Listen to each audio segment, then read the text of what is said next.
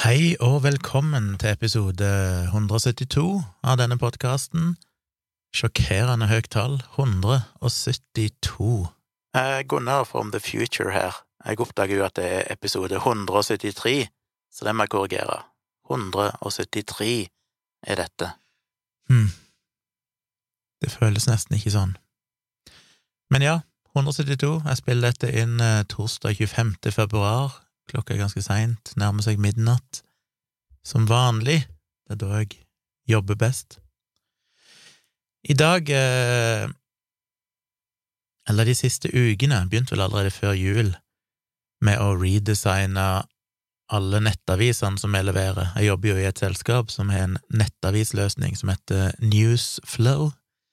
Newsflow, som jeg jobba med i mange, mange, mange år. En løsning jeg har laga sjøl, og som jeg har en eh, litt over 20 forskjellige aviser rundt om i landet som bruker.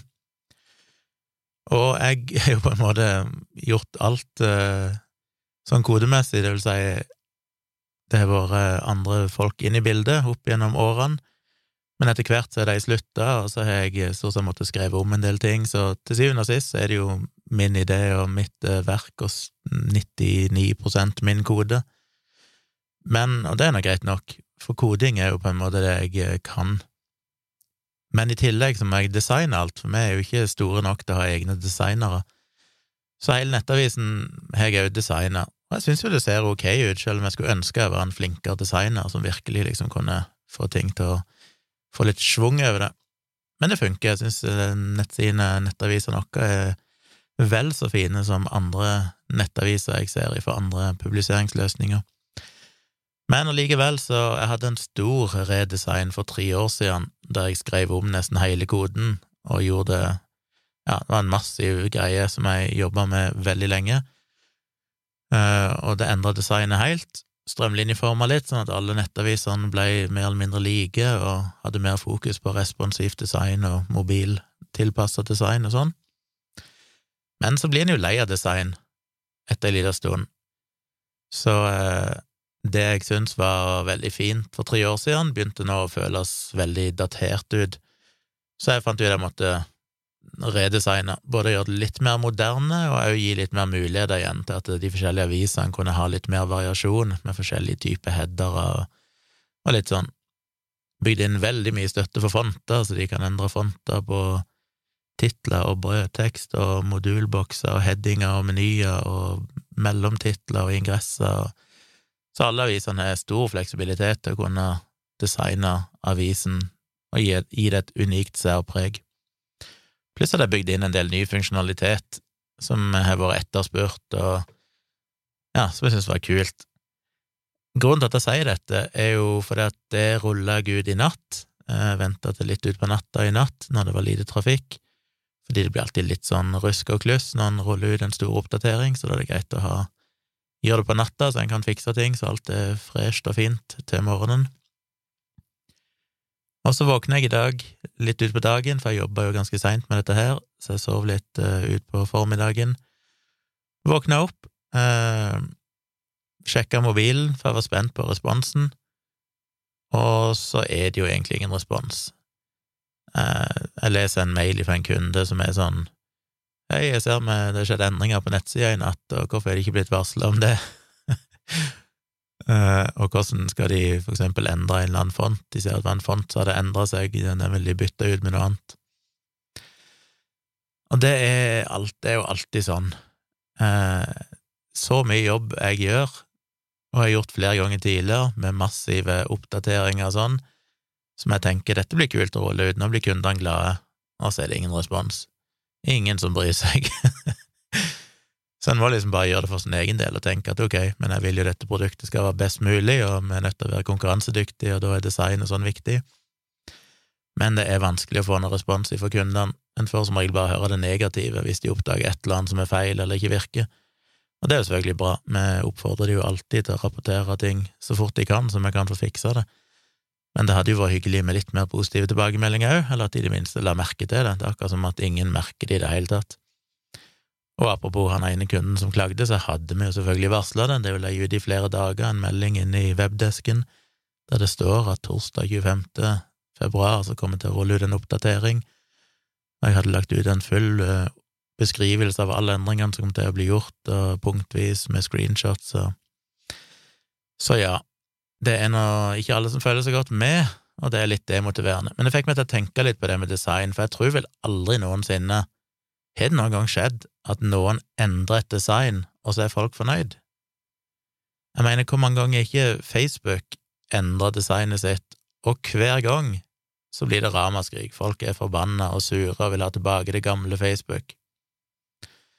Eller når kjente firma og selskap redesigner logoet sitt, så er det jo bare massiv kritikk, og 'dette var forferdelig', Men det interessante er jo alltid hvor mange, hvis vi lar det gå to år, hvor mange ville gått tilbake igjen til designet sånn som det var før. Det tror jeg er omtrent null.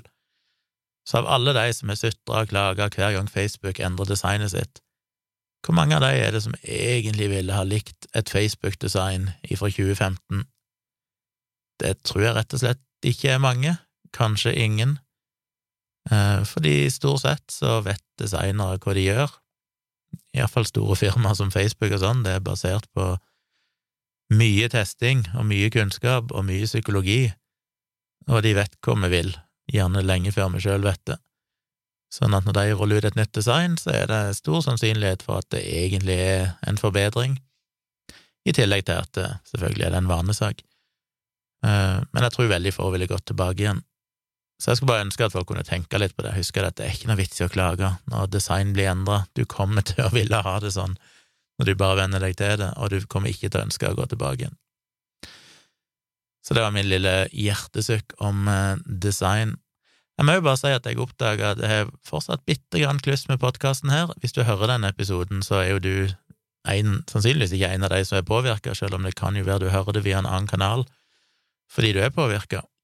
Um, ehm, jeg har jo hatt uh, brukt Acast til å publisere podkasten min, og så kutta jeg jo ut det samarbeidet som jeg snakka om tidligere, og gikk over til Podspace med moderne medier. Og da setter jo Acast opp en sånn redirect, sånn at alle podkastapper som prøver å laste ned podkasten fra Acast, blir da omdirigert til Podspace. Og det er en såkalt 301 redirect, som i internettverden betyr en eh, permanent redirect. Sånn at hvis en podkast-app får en 301 eh, redirect, så vet han at da skal han alltid bruke den nye URL-en, eller nye feeden, eller linken, som han blir henvist til. Merkelig nok så ser ikke det ut til å funke alle plasser, så jeg lot jo, etter anbefaling fra Acast, så lot jeg jo den Acast-kontoen med den redirecten stå der i ja, iallfall to uker, og vel så det, før de avslutta kontoen min, og fram til da virka det. Men idet de avslutta kontoen min, så kom plutselig ikke siste podkastepisode på for eksempel Spotify. Og da måtte jeg få moderne medier, som er de som har på en måte tilgang til systemet i Spotify, til å sjekke opp, og det viser seg da at uh, Spotify fortsatt brukte Acast-linken, eller URL-en, eller feeden. Så selv om den ble videresendt til Podspace, sånn at de har fått de siste episodene mine, så har de tolka det som en, sannsynligvis som en såkalt 302 redirect, som er en midlertidig redirect. Så da sjekker han alltid Acast, og så blir han videresendt til Botspace heller enn å gå direkte til Botspace Så når de da kutta ut kontoen min, og den uh, feeden fra Acast forsvant helt, så bare stoppa oppdateringene opp. Så hvorfor sier jeg det? Jo, bare fordi at hvis du har hatt problemer med å få de siste episodene i podkast-appen din Spotify er fiksa nå, så der kommer de nye episodene. Men uh, min samboer sa plutselig at uh, meg og hun bruker jo Pocketcasts. Der sa hun plutselig at de siste episodene ikke kom, og, eller iallfall ikke forrige episode. Og tenkte jeg hm, det var merkelig, for feeden skal jo være oppdatert alle plasser. Men det viser seg at tomprat tror jeg ligger inne to ganger enkelte steder. For jeg gikk inn i Pocketcast, og så søkte jeg opp tomprat, og så fant jeg tomprat på nytt med de siste episodene. Så hvis du opplever det problemet i din podkast-app, prøv å eh, søke opp tomprat igjen, se om det dukker opp en ny tomprat, subscribe på den, og så unsubscriber du på den andre tompraten du har, der det mangler episoder, for den baserer seg tydeligvis på en feed som ikke finnes lenger, og det er ganske irriterende, for dette skal gå automatisk, men det har blitt noe kluss et sted. Så bare vær obs på det, det er som regel løsningen. Unsubscribe. Den uh, Tompraten du allerede abonnerer på, som tydeligvis mangler episoder, hvis du mangler episoder, og søk opp Tomprat på nytt, og pass på å legge til den versjonen som faktisk har alle episodene. Så da vet du det, da kan du informere dine venner og bekjente om eh, det hvis de har klagd. Ellers må jeg òg minne på at uh, på mandag nå så blir det jo som sagt en livestream der skal vi Dagfinn Hessen Paust og Ina Rolls Binanger, som jobber i Foreningen for en tryggere ruspolitikk. De skal snakke om rusreformen med meg. Så vil du få med deg det live og være med og stille spørsmål og delta i den diskusjonen, så må du bli patron. Det kan du gjøre på patron.com slash tjomli. Eh, videoen og sannsynligvis en podkastversjon kommer jeg til å legge ut til alle dere andre litt seinere, men da må dere vente litt lenger, og dere får ikke delta live sjøl med spørsmål. Men han blir tilgjengelig for alle etter hvert, muligens i en redigert versjon, alt etter hvordan det utarter seg. Men jeg gleder meg til det, det er jo to veldig kunnskapsrike folk. Så er du nysgjerrig på ruspolitikk, og spesielt rusreformen, så anbefaler jeg deg å få med deg det. Eh, litt mer rant før jeg snakker om eh, mer alvorlige ting. Jeg minner jo om at eh, i morgen jeg spiller inn dette, kanskje i dag når du hører dette, hvis du hører den på release day, eh, fredag altså, 26. februar, så blir det jo en livestream på kvelden. Ser ut til at jeg har standardisert meg litt nå på tirsdag og fredag kveld, har liksom blitt mine livestreams-kvelder. Fordi mandag og torsdag spiller jeg inn podkast, onsdagen har jeg litt fri, så tirsdag og fredag. Jeg kan ha det i bakhodet hvis dere vil få med dere livestreamene mine inne på Tvilsomt med Tjomli på YouTube. Og til slutt må jeg bare si at uh, fuck regnskap. Det er denne tida året igjen for alle dere som driver et enkeltpersonforetak eller lignende. Det er noe piss. Som jeg sa i forrige episode, så min hjerne skjønner ikke regnskap. Av en eller annen grunn så er det ganske uforståelig. Jeg føler jeg bruker jo fiken. Uh, jeg syns fiken er veldig bra. Eh, de er ikke en sponsor av denne episoden, men de har jo sponsa både Dialogisk og min andre podkast Virkelig grusomt. Eh, men jeg har brukt Viken lenge før de begynte å sponse podkasten, eller ha reklame i podkasten. Så Fiken liker jeg veldig godt. Den er veldig mye automatisert, det er webbasert, det er lett å laste opp eh, bilag og registrere de, og det er mye automatikk, så han kommer med forslag til hvilken konto du skal føre ting på, og alt mulig sånn. Men det hjelper ikke så mye når jeg bare ikke har en hjerne som skjønner noen ting av dette her. For jeg har ført bilag i flere år nå, og jeg hadde jo tidligere en regnskapsfører som var mye mer laidback. Han bare fiksa alt. Jeg bare sendte han bilagene, og så boom, så var regnskapet mitt ferdig. Det var ikke noe spørsmål. Men eh, så gikk jeg over til et annet regnskapsfirma som spesifikt jobba med fiken, for med den gamle regnskapsføreren så måtte jeg sende bilagene manuelt, holdt jeg på å si. Han var litt mer gammeldags. Mens med det nye så fant jeg ut jeg ville heller føre bilagene sjøl, i for eksempel fiken, og så da fant jeg en regnskapsfører som brukte fiken.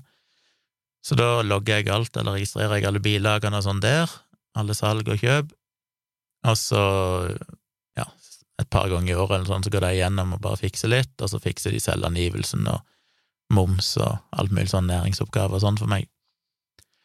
Og det er jeg helt avhengig av, for jeg hadde ikke klart å fylle ut en selvangivelse om det, om det sto om livet, altså.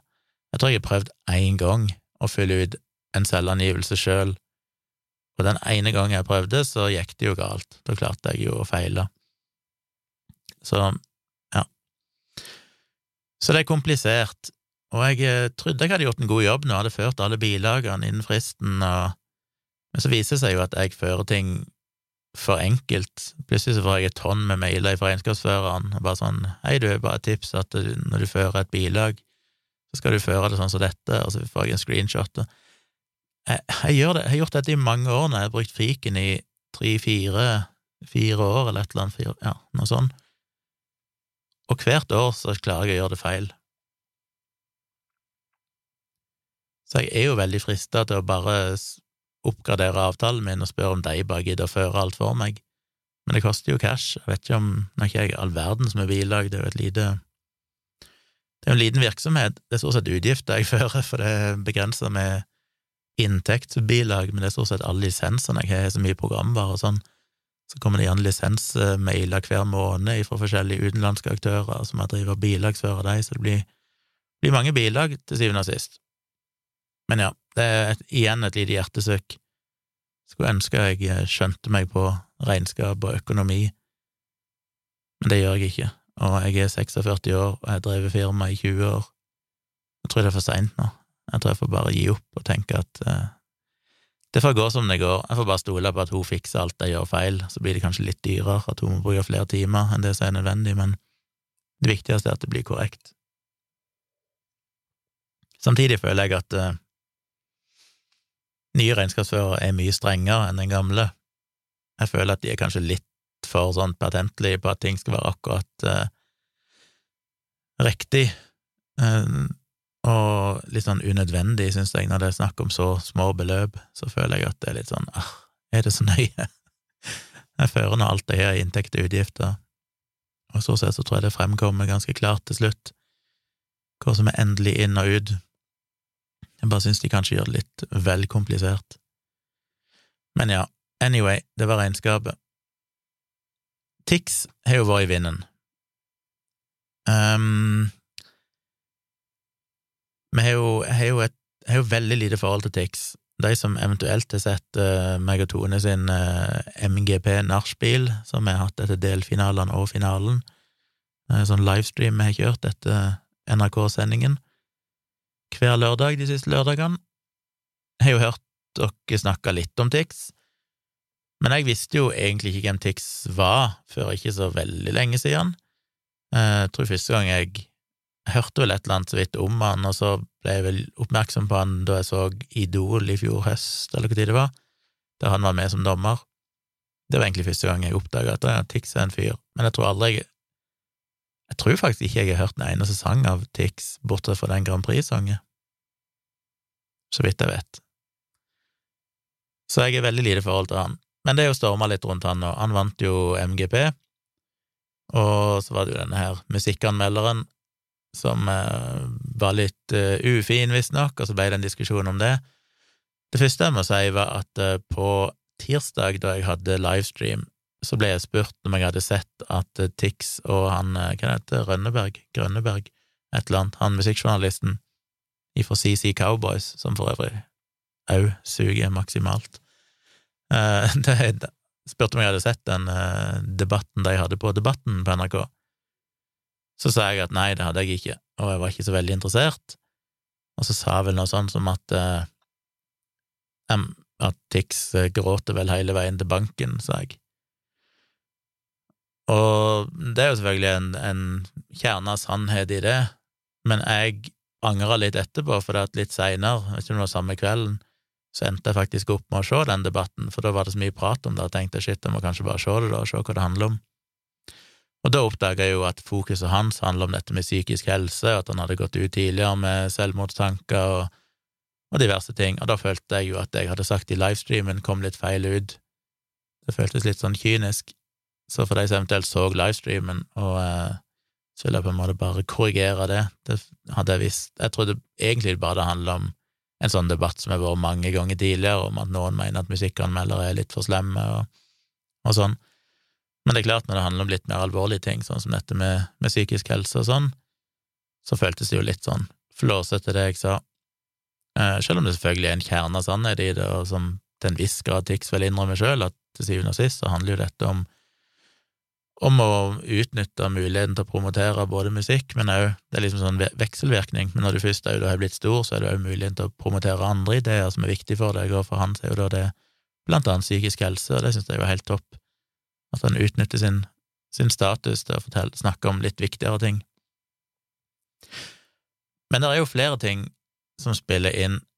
Han øh, Dette spiller jo litt tilbake igjen til ting meg og Dag har snakket om mange ganger i Dialogisk. Dette med gamle synder, og når skal du tilgi folk? Og jeg har jo sagt eh, flere ganger i Dialogisk at jeg skulle ønske vi ble bedre til å tilgi, det har vært så mye fokus de siste årene på å finne et eller annet som folk sa feil for fem år siden eller ti år siden, og så skal det på en måte henge ved dem. Og det synes jeg er så dårlig gjort. fordi det anerkjenner ikke at vi alle utvikler oss som mennesker, og det er ikke samme person som sier en ting i 2015, og som sier en ting i dag. Um, selvfølgelig så er det flott hvis en kan beklage det og på en måte stå for det og innrømme at jo, det var dumt sagt, og på en måte synliggjøre at du faktisk har endra deg. Men samtidig så er det litt sånn Virker det alltid litt rart at det må skje eksplisitt, hvis du på en måte implisitt har vist at du er en annen person gjennom ting du har sagt. Jeg kjenner meg selvfølgelig igjen i det sjøl. Jeg mener, jeg har sagt dumme ting, jeg òg, for mange år siden. Ting jeg skrev i bloggen som jeg er ikke er like stolt av alltid, men så har jeg på en måte skrevet mange bloggposter etterpå der jeg har promotert andre ideer og på en måte vist ganske tydelig at det her, her har jeg utvikla meg i, i, tankene mine. Og allikevel så føles det som at du må eksplisitt ta avstand fra noe du har skrevet tidligere, selv om jeg føler jo sjøl at det burde jo ganske tydelig fram av alt jeg har skrevet etterpå.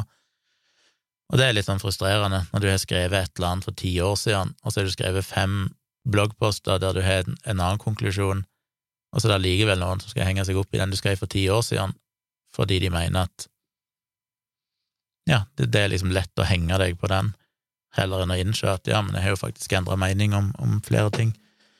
Og sånn er det jo litt med Tix òg, føler jeg. Det blir jo fokusert på de her gamle russelåtene han skrev, som har ganske drøye tekster.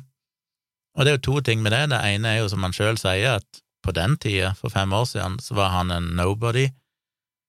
Han eh, lagde bare liksom partymusikk, det var hans nisje, og det var liksom russelåter og sånne ting.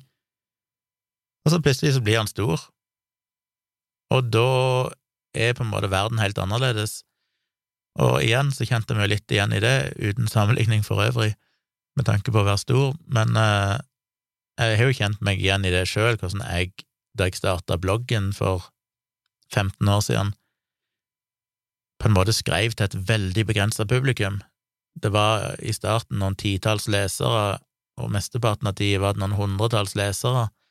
Var, jeg fikk liksom noen hundre visninger per bloggpost, og da var jeg veldig fornøyd. Det gikk jo flere år før jeg bikka 1000, og syntes det var en sånn enorm seier. Så det var jo en slags dialog på en måte med lesere som på en måte kjente meg, ikke at jeg kjente de personlig, men de hadde på en måte fulgt meg og kunne lese ting i kontekst, uten at alt måtte sies på nytt eksplisitt i hver eneste bloggpost. Og det brant jo jeg meg på når plutselig da jeg ble mer kjent, eller bloggen ble mer kjent, og plutselig samarbeid med Nettavisen og sånn, så plutselig kommer det bloggposter som på en måte ble skrevet med ei helt annen målgruppe, og skrevet med tanke på de som hadde fulgt meg og sett på en måte argumentasjonen min over flere bloggposter. Plutselig ble én sånn bloggpost isolert sett trukket fram, og der hadde jeg kanskje ikke tatt alle forbehold og nyansert alt, fordi jeg følte jo sjøl at det hadde jeg gjort tidligere, folk visste det, de hadde jo lest det jeg hadde skrevet. Og det er alltid et sånt dilemma når du plutselig blir litt, nå litt lenger ut, så begynner plutselig hver tekst å stå for seg sjøl, fordi at da når han plutselig ut til mye tilfeldige folk som kanskje ikke vet hvem du er, aldri lest noe av deg før. Så det var en sånn uh, dyrkjøpt lærepenge jeg måtte gjøre meg, at jeg måtte i mye større grad begynne å kvalifisere alle uttalelsene mine i hver tekst, og aldri ta for gitt at folk visste hva jeg sto for, eller visste hvem jeg var. Så jeg måtte ta forbehold om ting som jeg føler ofte det helt, burde være helt unødvendig å ta forbehold om, men det måtte en gjøre eksplisitt. Og det er litt det samme med Tix jeg opplever med han, ikke sant, han, han lever i sin lille verden for fem år siden og har ei veldig begrensa målgruppe, eh, og så plutselig så når han ut veldig stort, og så må han ta et oppgjør med fortida si. Ikke at det betyr at det er uproblematisk, det han har skrevet, men jeg skjønner dilemmaet. Mali Cola. Men så er det interessant å se på de gamle tekstene, fordi nå har han jo gått ut sjøl, eh, i dag eller i går eller et eller annet, og på en måte beklaga de gamle tekstene. Men jeg syns jo Ja, som sagt, jeg har lite kjennskap til Tix generelt sett, men jeg bare leste noen av de tekstene som er blitt lagt ut som screenshots i sosiale medier nå, for folk som ønsker på en måte å henge den. Og igjen, det ene som irriterer meg, er denne her du er en person som har gjort noe bra, og plutselig har et viktig budskap å komme med, og så er det sånn ja, men det betyr ingenting, fordi se her hva han skrev for fem år siden. Det synes jeg er veldig, veldig smålig. Og eh, skal du først ta opp det som han skrev for fem år siden, så må du iallfall klare å gjøre det på en litt mer konstruktiv måte enn å på en måte skal være den personen som sier at ja, dere andre tror kanskje han er så kul, men bare se her hva jeg vet, se her, dette har jeg funnet, dette er ille, dette, dette er ikke en mann vi trenger å hylle. Så det er én ting, det irriterer meg, det, det syns jeg er så smålig, det er sånn ja, ok, la det nå gå, tilgi mannen, eh, fokuser på den han er nå, fokuser på det budskapet han har nå.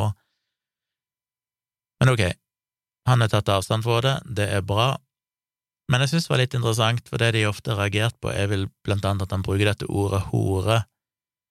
Han sier ofte om jenter i disse sangene sine at eh, nå kan de være hore, nå kan de komme til horehuset.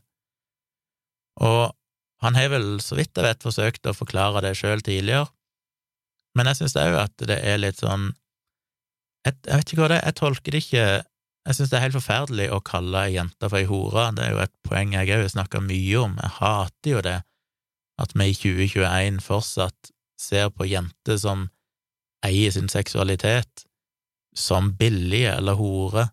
Jeg kan ikke tenke meg noe mer ufordragelig enn sånne holdninger. Det er så motbydelig, det er ingenting som er mer sexy og tiltrekkende enn ei jente som nettopp er trygg på sin seksualitet og eier sin seksualitet og gjør det hun sjøl ønsker å gjøre. Men så det, så det, å kalle hore som et sånn skjellsord eller nedsettende ord er, er, helt forferdelig. Men så opplever jeg på en måte at det han egentlig sier, og kanskje gir han for mye goodwill nå, men for meg så tolker jeg det som at han sier hore litt sånn i anførselstegn, Altså som at eh, nå kan du endelig leve ut din seksualitet, være den nå kan, nå kan, du på en måte eie din seksualitet, nå kan du være like i gåsehud horete som det vi gutter er. Jeg gir deg muligheten til det, kom, her er det fest, vær deg sjøl, lev livet, vær ei hore, men ikke som en nedsettende term, men som i overført betydning eller i anførselstegn det som folk ser på som ei hore, men i denne konteksten så er det ikke noe negativt. Så jeg skjønner hva jeg mener. Det er sånn jeg tolker de tekstene. Jeg klarer ikke å lese de tekstene direkte som veldig kvinnediskriminerende eller nedsettende overfor jenter som ønsker å, ha det gøy og kjøre på. Um, så jeg føler iallfall det er verdt en alternativ tolkning. Jeg um, Ja. Dere får se på de tekstene sjøl og se hva dere tenker. Det er iallfall verdt det i bakhodet. Mulig jeg gir han for mye kred, men jeg mener at han sjøl òg har gått ut tidligere og prøvd å forklare at det er det han mener med det.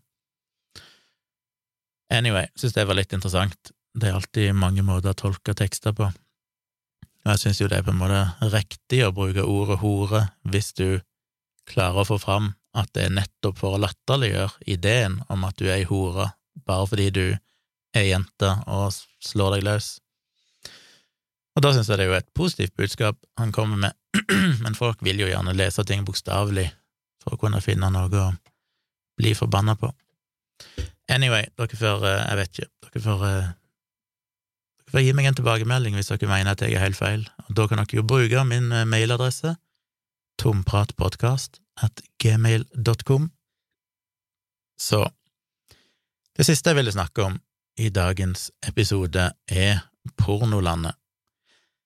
Eh, meg og Tone har nettopp sett eh, dokumentaren Pornolandet, som vel var fire episoder eller noe sånt. Jeg fikk ikke engang med meg hvilken kanal det gikk på, for det var bare Tone som fant det fram, og så så vi binga med alle fire episodene.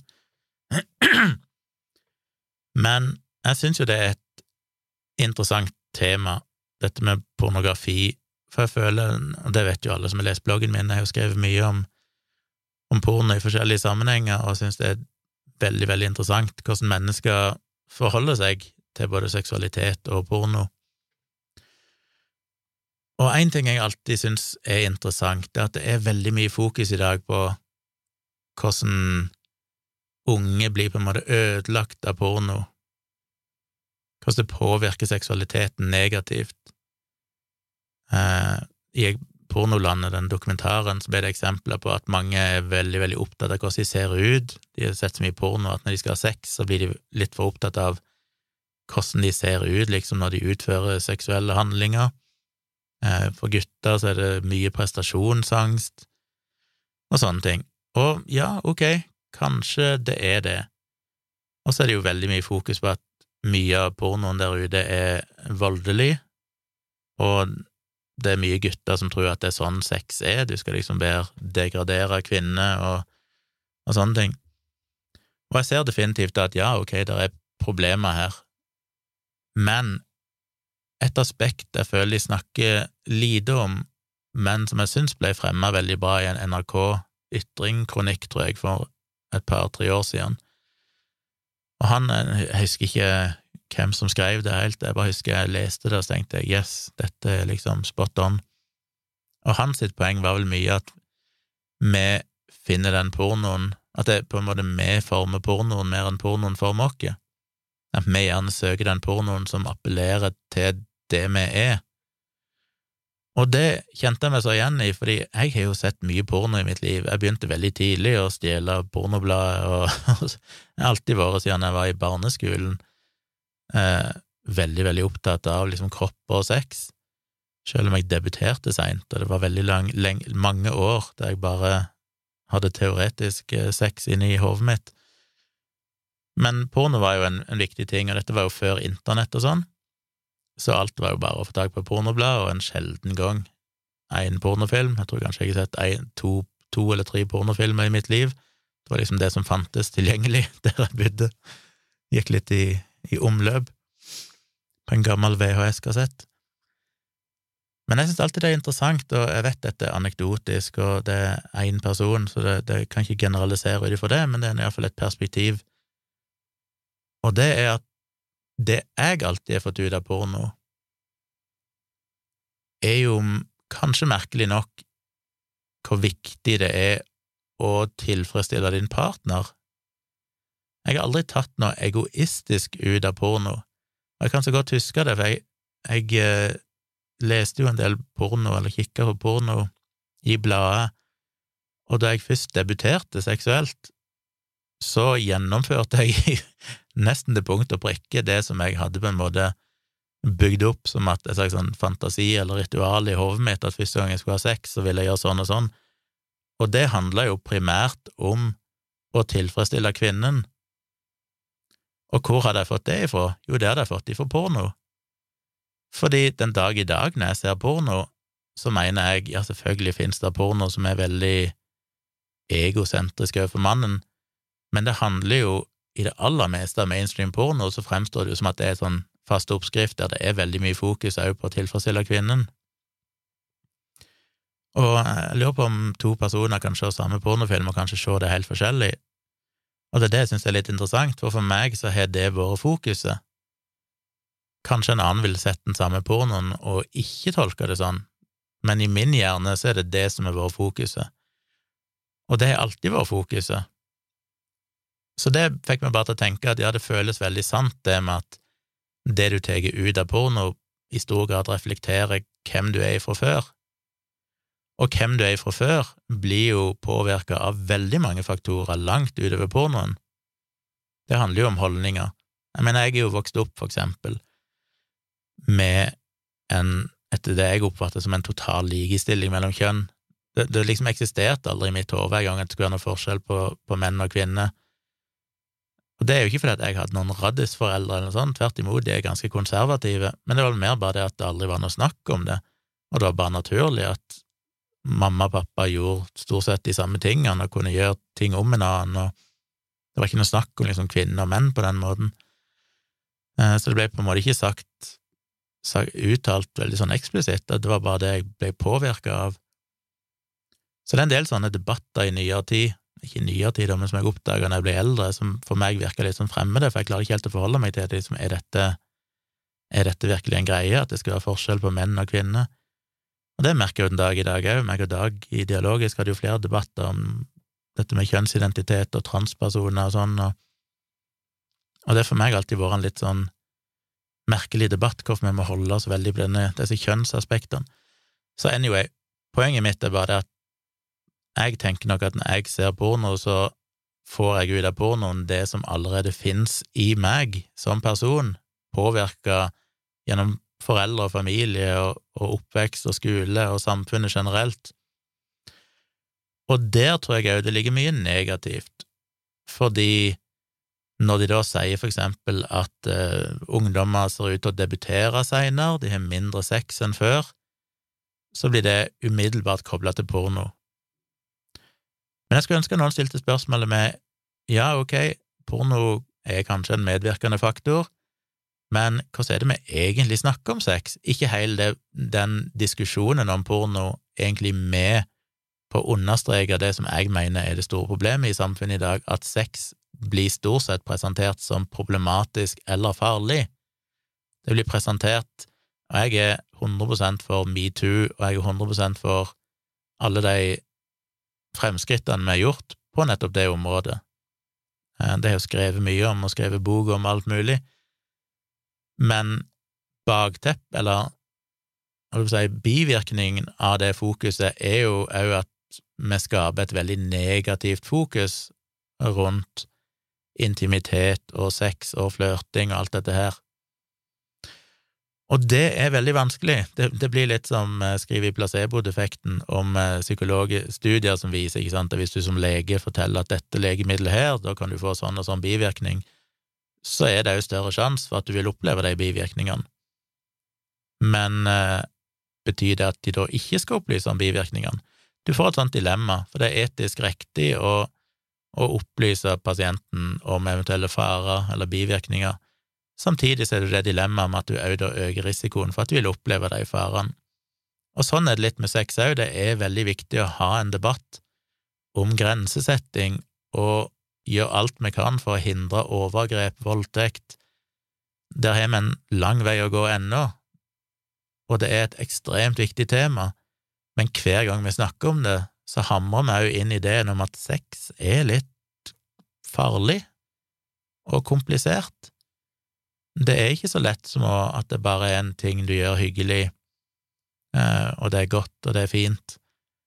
For det er det jo, og det burde det være. Og det kan det i aller høyeste grad være, hvis du bare får følge noen ganske enkle retningslinjene, som et uh, entusiastisk samtykke for din partner, som stort sett er den eneste tingen du trenger å, å huske på, så går det som regel greit. Men jeg har en følelse av at det kanskje påvirker folk negativt, og jeg merker at det påvirker meg negativt. Jeg har jo fått sjøl et mer anstrengt forhold til sex fordi at jeg er blitt så fokusert på dette her med grensesetting, og jeg snakker så mye om det, og jo mer du engasjerer deg i det, jo mer redd på en måte blir du for å, å gjøre noe galt. Jeg syns jo det er vanskelig å flørte nå for tida. Og med det mener jeg ikke at å, skal det ikke være lov å flørte noe lenger på grunn av metoo? Nei, jeg er veldig klar over at det er ikke det det handler om, men allikevel så blir jeg så veldig sånn selvkritisk, jeg har ikke lyst til å være den personen som tråkker over ei grense. Og jeg har jo tidligere opplevd ting som jeg også snakker om i Dialogisk, der jeg har tråkket over grenser, og jeg syns det er så fælt, når en innser det sjøl, at du kan ha gjort noe som andre mennesker ikke syns var greit, ikke noen alvorlige ting, men til og med ting som på en måte er bagatellmessige, føles veldig, veldig vondt for meg når jeg opplever at oi, shit, der gjorde jeg noe som kanskje ikke var helt greit. Og jeg har jo opplevd definitivt det samme mot meg sjøl òg, som jeg òg snakka om tidligere i, dialogisk. Uh, så ja, anyway, poenget er at uh, jeg tror vi må òg være litt fokusert på det. Vi må prøve å finne den der balansen mellom at vi må ha et, dette viktige fokuset på grensesetting og metoo og hele den pakka der, og på en eller annen måte samtidig klare å få fram at sex ikke egentlig skal være så vanskelig, det er ikke så farlig, det er ikke så Det er ikke kriminelt å ha sex med noen, selv om en av og til nesten kan få litt av den følelsen. Så det Jeg savner en debatt rundt det, det snakker vi ikke om. Men i den dokumentaren Pornolandet så blir jeg så glad igjen da når det er en psykolog der som sier at For, for det er jo en del fokus da på liksom kvinnefronten og sånn, som kjempa imot porno fra 70-tallet, 80-tallet og 90-tallet, eh, og brant pornoblader og drev hærverk mot sexbutikker og sånn. Og hvor meningsløst det egentlig var. de har jo på ingen slags måte vunnet den kampen, for nå er det jo mer porno enn noensinne. Men hvor synd det er, på en måte, at de ikke tok den virkelige debatten, og den dag i dag vil heller ikke gjøre det. Kvinnegruppe åtte og sånn klarer jo fortsatt ikke å holde fokus der det burde være, som heller er på seksualopplysning. Den eneste, og det, igjen, dette har jeg snakka mye om, men vi ønsker jo gjerne å løse problemer med overgrep og sånn gjennom strengere lover, eller strengere straffer, flere lover, mer overvåking, men til syvende og sist så er det jo bare én ting som kan beskytte hver og en av oss mot seksuelle overgrep, og det er jo å ha en åpen kommunikasjon med folk vi stoler på hvis det skulle skje noe, og det å kjenne sine egne grenser og vite at jeg mener, vi hadde unngått så mye seksuelle problemer hvis folk ikke følte seg pressa til å gjøre ting de ikke ville. For igjen, det meste av det som er overgrep, er jo ikke nødvendigvis folk som er onde og ønsker å skade noen. Det er tvert imot folk som tråkker over grenser, og ofte vet de det ikke sjøl. Og det hadde vi unngått i veldig stor grad hvis folk følte seg trygge på sin egen seksualitet og trygge på sin egen kropp. Så vi hadde jo eliminert ufattelig mye problemer hvis vi klarte å ha en åpen holdning til seksualitet og kropp. Og som han psykologen sa, som jeg òg har sagt i alle år, vi må starte med bedre sex, seksualundervisning ifra barnehagealder og opp. Selvfølgelig tilpassa alderen, trenger ikke snakke om sex og sånne ting, men snakke liksom om, om hva kropp er, hva som er godt, og hvor grenser går, og hva andre har lov å gjøre og sånn. Eh, selvfølgelig snakker de litt om det, men som det kom fram i denne dokumentaren òg, det er jo altfor dårlig, og Norge er generelt sett ganske dårlig i forhold til veldig mange andre land. Og det har jo jeg skrevet en del om i bloggen tidligere, dette her med igjen da, jo mer seksual opplysning du har i ung alder, jo, jo mindre problemer ser det ut til at folk får, de debuterer seinere, det er mindre ungdomsgraviditeter, mindre kjønnssykdommer, mindre eh, tenåringsaborter og sånne ting, og mindre overgrep. Så det er så viktig, og jeg blir så glad når folk snakker om det, og jeg blir så trist at vi i 2021, i et såpass moderne, likestilt og progressivt land som Norge egentlig er, ennå ikke er klart å legge virkelig, virkelig fokus på å få god seksualundervisning ifra dag én, holdt jeg på å si, ifra de blir født, for det har så mye å si for både individene og samfunnet. Og jeg tror jo at de langsiktige konsekvensene, hvis en hadde klart å gjort folk tryggere på kropp og seksualitet, at òg de hadde tatt mindre negative ting ifra pornoen, pornoen som en konsekvens vil endre seg, for pornoen følger til syvende og sist det som vi vil ha. Eh, det er markedsøkonomi. Så ja. Den siste ting jeg vil si om det, er jo òg den der eh, holdninga som jeg har sett i en del debatter som jeg blir veldig oppgitt av, der jeg har sett folk skrive på Facebook og sånn, at det fins jo at når du ser porno der for eksempel ei dame blir daska i ansiktet, eller hun får en kuk pressa ned i halsen, eller et eller annet sånn, så er det per definisjon overgrep. Det er altså så kvinnefiendtlig å hevde, for det sier jo implisitt at det er ingen dame som ønsker det. Og her kan jeg komme med en sjokkerende faktaopplysning. Veldig mange damer ønsker faktisk det, og det er ikke fordi de har dårlig selvtillit, og de vil bare gjøre det som mannen vil, for de vil innfri mannen sine ønsker, og så videre. Dette er reflekterte, sterke kvinner, ja. Jeg har til og med eh, ja, sjøl hatt en seksuell eskapade med ei som var med i kvinnegruppa Ottar, og sjøl likte ganske hardhendt behandling og så videre. Ganske kinky sex. Hun er da med i Ottar, hun er det en, veldig intelligent, sterk kvinne, jeg hater å bruke det ordet sterk kvinne, men dere skjønner hva jeg mener, eh, som definitivt vet hva hun vil, og det var det hun ville. Og så kan jeg selvfølgelig analysere seksualitet i hæl, hva er det som gjør at uh, jeg liker sånt og sånt, og hva som gjør at hun liker sånt og sånt, skal han sykeliggjøre alt, eller skal han bare si at så lenge vi syns det er gøy og godt, så er vel det flott? Du kan sikkert alltid spore det tilbake igjen til en eller annen hendelse som skjedde når du var fire år gammel, eller et eller annet som ikke egentlig er heldig, men det er litt sånn Skal du unngå ting som du faktisk syns er bra, bare fordi du teknisk sett kanskje kan finne en uheldig årsak til at du syns det er bra? Eh, det tror ikke jeg. Jeg tror ikke vi blir noe lykkeligere mennesker av det. Det er selvfølgelig nyttig å reflektere litt over det, men samtidig, nyte det når det først er sånn som det er. Og, ja, poenget mitt er bare at når du da ser på sånn porno, så er det jo så mye variert seksualitet der ute, så mange forskjellige lyster, og igjen, da, når folk skal på en måte beskytte kvinnene ved å hevde at ingen kvinner vil ha annet enn misjonærstillingen, så blir jeg irritert, fordi det er så ekstremt kunnskapsløst, det er så ekstremt respektløst overfor alle de som har forskjellige lyster. BDSM er så utbredt og vanlig og en del av folks seksualitet i alle varierende grader at vi må slutte å snakke om at dette er liksom vold, eller dette er kvinnediskriminerende, eller sånn. Tvert imot så handler jo BDSM om tillit, trygghet, kommunikasjon. Hvis ikke det er på plass, ja, da kan du snakke om at det er overgrep.